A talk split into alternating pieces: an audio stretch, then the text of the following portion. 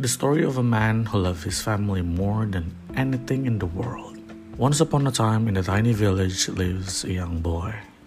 This particular young boy is known for his wit and knowledge. He's also known for being fearless and always standing up to anyone, especially when he knows that the person is wrong.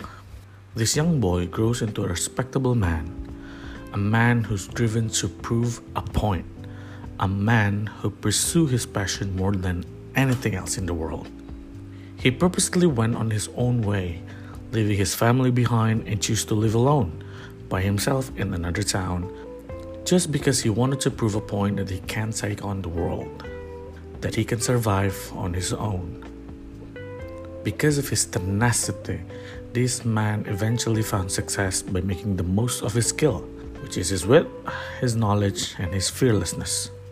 In one of his projects, he stumbled upon a woman who is way more beautiful than anyone he's ever met before. Naturally, this man fell in love and get married with this woman. And suddenly, at that point, the man realized something in his heart. He realized there is a shift in his priorities. He feel a sudden change in his heart. He doesn't care about proving a point anymore. He doesn't care about his passion, his works, and all he care about is his little family with the woman and how in any way he possibly can to make her happy. A few years pass and eventually he has a daughter. A daughter in which inherits not only his emotion, but also his compassion and his love of his family.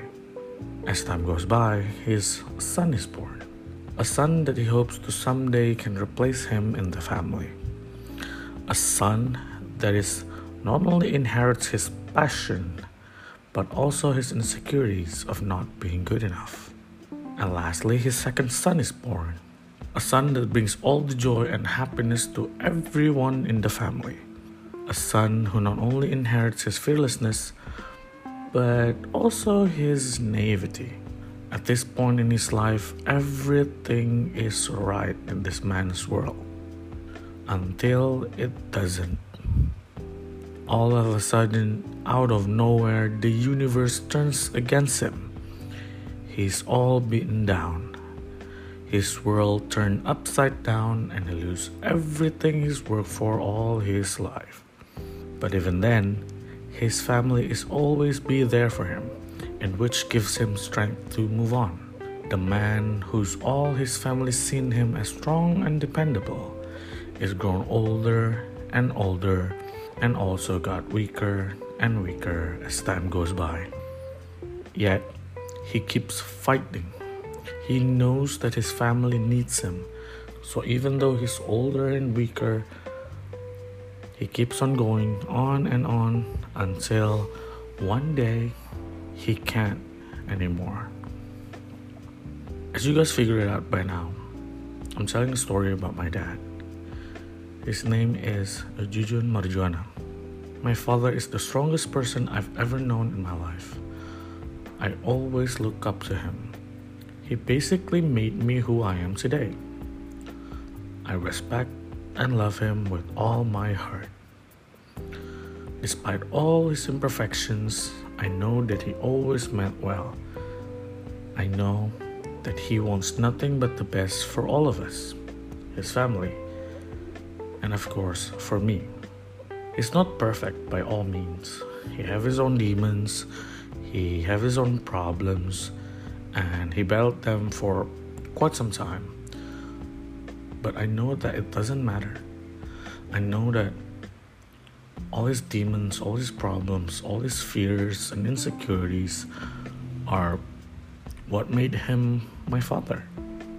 As much as we love him and want him to stay. I'm sure everyone in my family agrees that he needs a rest. It's time for him to stop worrying about all of us. It's time for him to lay his head and rest. There's so much things I want to tell him. All my insecurities, all my fears, my hopes, and all my dreams there's also a lot of things that I want to do with him. be on my wedding, see my children's, treat them foods and toys, basically see me as a father, just like him. The fact that I can't be with him on his last breath hurts me. The fact that I am responsible in making him all alone on his last breath made me feel guilty. The fact that on his last breath, he sends me a voice message saying how much he's hurting broke my heart to pieces. The fact that not even it's almost a, a month ago it's the last time I've ever touched him, I've ever talked to him. It's the last time that I can see his very eyes, the last time I can interact with him crushed my heart.